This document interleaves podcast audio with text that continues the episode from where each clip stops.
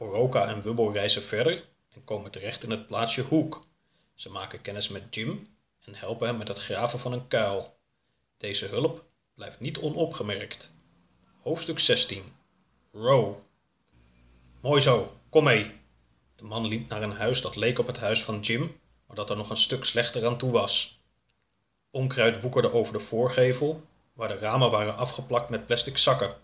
Een deel van de veranda was ingestort en blokkeerde de toegang tot de voordeur. Gaan we dat opruimen? Nee. De man liep om het huis heen. Een hond vloog luid blaffend uit zijn hok. Oroka deinsde achteruit en keek naar rijen tanden die alles en iedereen leken te willen verscheuren. Een dikke ketting rond de nek hield het dier op afstand. Kom.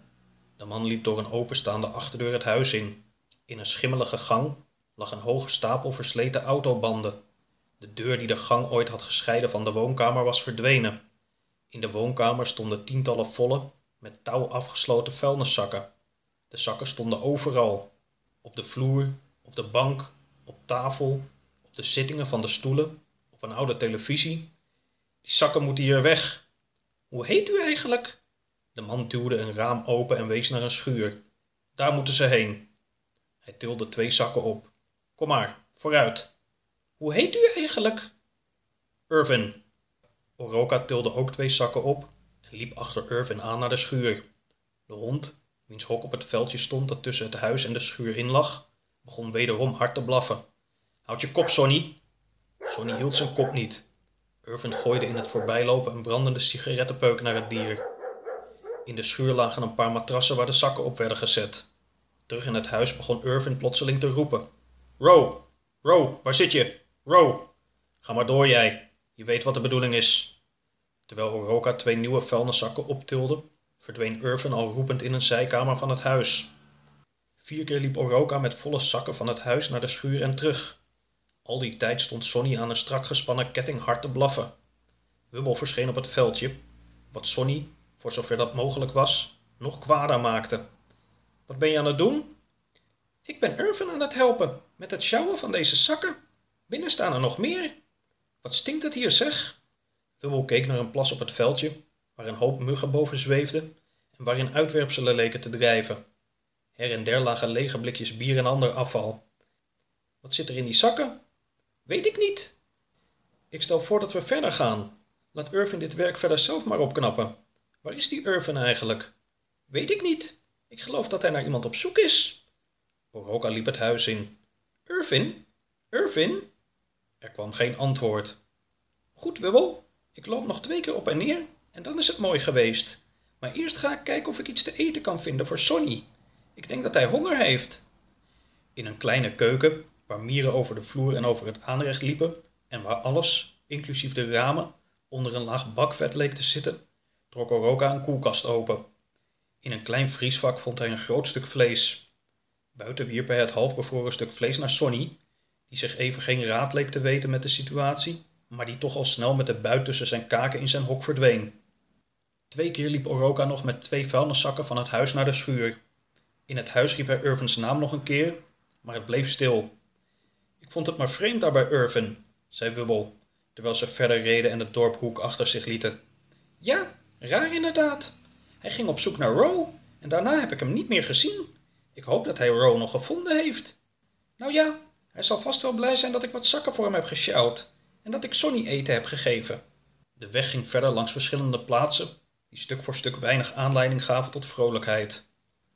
Op een wat drukkere weg in de buurt van het stadje Selma kreeg Oroka honger. Een bord wees met een pijl naar rechts naar een grote supermarkt. Trader Dixie. Great quality, great prices. De reizigers vonden een parkeerplaats vlak bij de ingang. Terwijl Oroka uitstapte begon Wubbel plots te vloeken. Kijk! Oroka keek naar het dashboardkastje. Weg! Al ons geld! Weg! Hoe kan dat? Hoe kan dat? Nou, denk eens na. Waar waren we net? Op de weg? Nee, doe nou niet zo dom. Daarvoor. Bij Irvin? Ja, we waren in de achtertuin van Irvin. En waar was die Irvin toen? Op zoek naar Row. Geloof jij het? Die Row bestaat helemaal niet, Oroka. Suffert. Die Irvin heeft ons beetgenomen en beroofd. Die zit nu ons geld te tellen. Denk je dat echt? Nee, dat denk ik niet. Dat weet ik wel zeker. Wat doen we nu? Wubbel zuchtte. Weet ik niet. Oroka keek in zijn rugzak en zag dat hij zijn portemonnee en zijn telefoon nog had. Ik heb nog wat geld en een creditcard van Brian. Ik heb niet zo'n zin om helemaal terug te rijden en ons geld terug te vragen. Jij wel? Zo belangrijk is het toch ook verder niet? Ik bedoel, jij eet toch bijna alleen maar gras en dat is gratis. Wil je terugrijden? Nee. Blijf je boos? Ja. Hoe lang? Heel lang. Wubbel stapte uit en liep naar de supermarkt. Binnen werden zakken chocoladekoekjes, appelen, blikken persik, blikken ananas, brood, ham, eieren, kaas, twee kroppen sla en een pak cinnamon crumb coffee cake mix ingeslagen. Het begon laat te worden. Op een veld langs een rustige weg at Wubbel wat gras, terwijl Oroka een halve krop sla, twee rauwe eieren en een flink stuk brood naar binnen propte. Terug in het rode wagentje keek Wubbel op de kaart.